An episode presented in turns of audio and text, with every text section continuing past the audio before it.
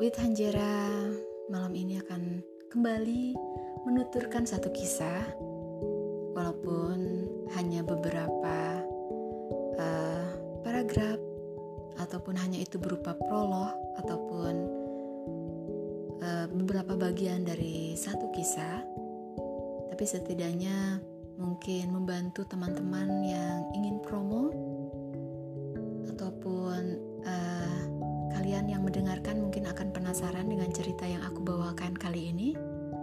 Nah, seperti itu. Malam ini aku akan membawakan satu cerita yang berjudul dari teman aku juga sama. Judulnya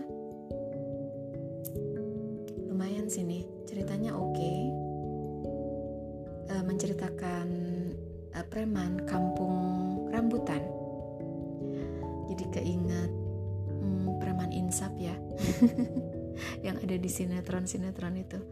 Oke okay, ini judulnya Unexpected Destiny. Kenapa aku ngambil cerita ini? Karena memang uh, cerita ini lumayan menarik. Terus uh, apa menceritakan keseharian lain dari yang lain. Lain dari yang lainnya gimana? Ya memang tidak banyak yang mengambil cerita uh, masyarakat kecil ya tentang kehidupan orang-orang kaum bawah gitu. Jadi banyaknya sih yang glamor-glamor, terus tentang perselingkuhan. Tapi uh, Riandra ini mengambil cerita dia berani, berani untuk ngambil cerita yang lain dari yang lain. Jadi intinya anti mainstream lah ya. Oke, okay. Aku ngambil beberapa part yang aku campur-campur karena memang hmm, apa namanya ceritanya memang lumayan panjang e, barnya gitu. Cerita ini diawali dengan cerita tentang kehidupan sehari-harinya seorang Lukman. Temaram subuh perlahan memudar seiring hadirnya sang Mega yang mulai menampakkan senyumnya. Hangat mentari pagi ini membuat Lukman bersemangat kembali bekerja. Seperti biasanya, ia sudah bersiap memakai setelan seragam hitam layaknya seorang security. Suara wajan yang beradu dengan spatula terdengar dari arah dapur. Itu tandanya Wulan sedang memasak untuk kakak dan adiknya. Lukman berjalan menuju kamar adik bungsunya yang kini sudah kelas 3 SMA. Ia ingin memastikan jika Luki sudah bersiap ke sekolah dan tidak kesiangan lagi. Lukman mengetuk pintu kamar Luki. Ki, jangan lupa siap-siap ke sekolah. Iya bang, Udah siap-siap ini, tinggal nyisir rambut doang. Abang tunggu ya di meja makan. Jangan lupa sarapan. Ya bang, santuy aja nape. Lukman segera berjalan menuju dapur untuk membantu Wulan menyiapkan sarapan untuk mereka. Hmm, sarapan apa nih hari ini? Nasi goreng bang.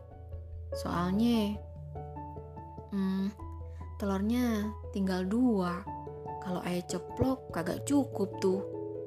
Kalau di dadar dapat dikit doang ntar ya udah ayah orak-arik aja sama nasi.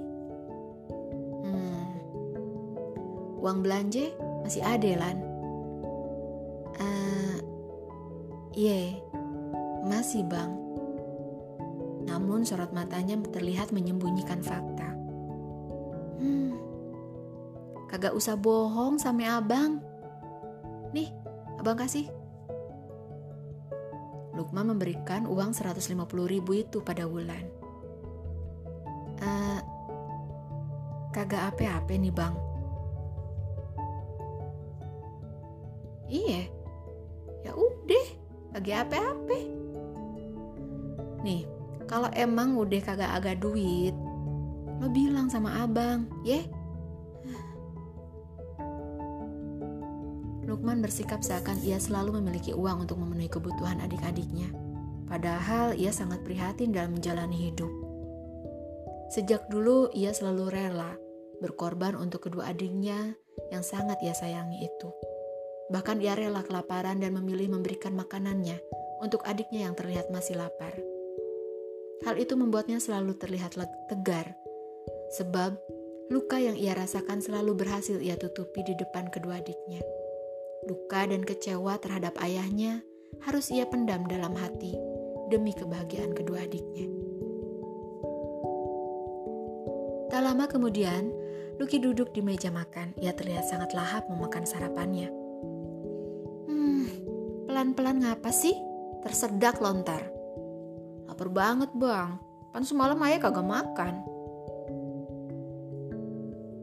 Luki tidak menyadari jika ia udah ke keceplosan berbicara. Lukman menatap Bulan dan Luki dengan sorot mata penuh tanda tanya. Apa?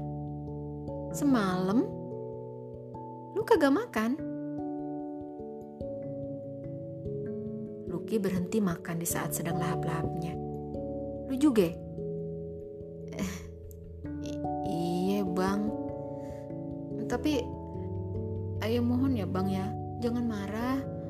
Ya soalnya uang belanja yang dari abang tuh udah habis.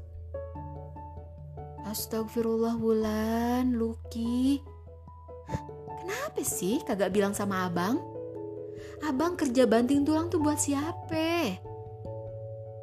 Ya buat kalian berdua lah. Buat masa depan kalian. Nih ya. Abang rela puasa demi kalian. Biar perut kalian tuh kagak kelaparan. Ya Allah, tong, tong. Luki, Bulan, abang mohon ya. Jangan ulangi lagi tindakan kayak gitu.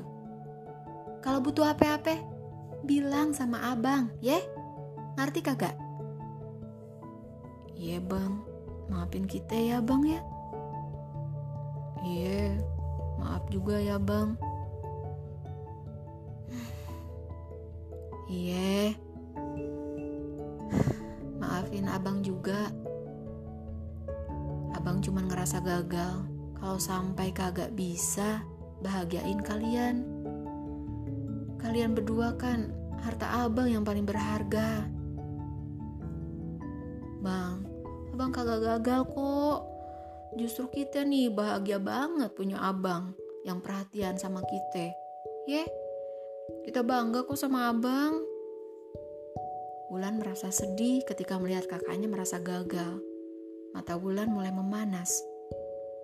Bang, kita udah anggap abang tuh lebih dari sekedar kakak. Bang Lukman itu paket lengkap deh. Seorang kakak yang merangkap menjadi orang tua buat kita. Ayah kagak pernah tuh ingat wajah bapak sama ibu. Yang ayah ingat kan cuma wajahnya Bang Lukman sama Kawulan. Luki merasa sedih. Senyumnya pun menyiratkan kepedihan. Hmm, maafin abang ya Wulan yang semangat ngerjain skripsinya. Lucky juga semangat belajarnya. Lu jangan bandel ikut tawuran kayak anak-anak lain.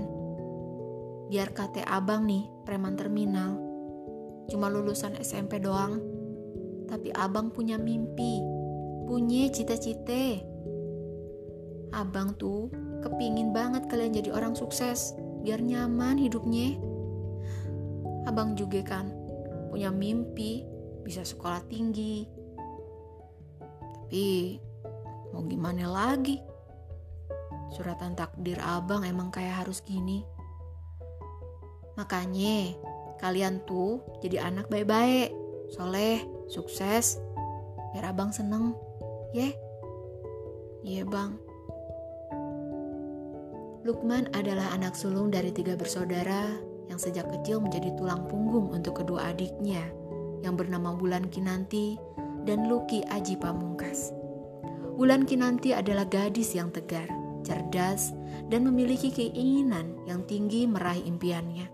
Tubuhnya tinggi, proporsional, berkulit kuning langsat, dan wajahnya manis dengan lesung pipi di sebelah kanannya. Rambutnya ikal panjang di bawah bahu.